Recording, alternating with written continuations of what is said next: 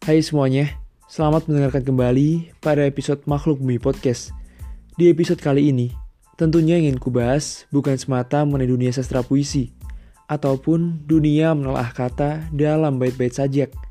Namun yang ingin kubahas, tentunya pada kesempatan kali ini, adalah tentang pengumpulan atau perkumpulan mengenai bahasan, sudut pandang, penafsiran, dan teorologis mengenai kondisi, situasi, keadaan, negeri kita tercinta. Maka dari itu, judul firasat tersurat ini saya publiskan dan saya pilih sebagai acuan untuk topik pembahasan dan rangkuman mengenai semua individu, kalangan tua, kalayak muda, dan jelata. Pertama-tama, yang ingin kukupas terlebih dahulu, yaitu tentang bagaimana nasib ke depan bangsa tercinta ini. Beberapa belahan negara dunia sedang merasakan krisis moneter akan dampak dari terfokusnya anggaran negara untuk menangani masalah ini. Masalah virus COVID-19 yang sudah berangsur sejak 2019 hingga sekarang.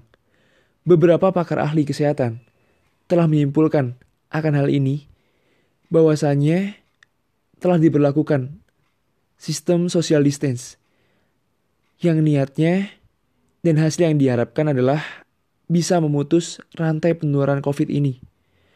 Padahal sejatinya, virus ini tidak mudah untuk dimusnahkan karena virus ini didapatkan bahwa hampir disamaratakan dengan virus flu biasa. Hanya saja yang menyerang kepada penyakit bawaan atau penyakit berat itu lebih parah. Begitulah menurut tafsiran pakar sains dengan seluruh daya pikirnya. Berbeda lagi dengan ilmu penerawangan atau ilmu batin. Orang pintar dan sejenisnya yang memantik kita untuk jangan mementingkan kepentingan yang tidak penting. Seakan semua seperti penting. Sehingga yang sangat penting dianggap tidak penting. Paham kan? Ya, sekiranya begitulah penjabaran di episodeku kali ini. Tunggu kupasanku tahap nomor 2 yang perlu sama-sama kita ketahui bahwa pada unsurnya di episode 49 nanti kan ku jelaskan mengenai kisinya yaitu mengenai oknum yang berperan aktif mengendalikan mereka para pengejar rizki. Ya, begitulah. Sungguh pilu.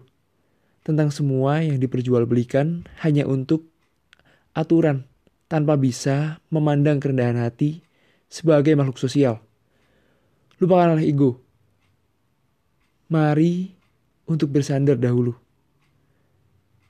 Dan mungkin ini saatnya saya undur diri dan see you next time.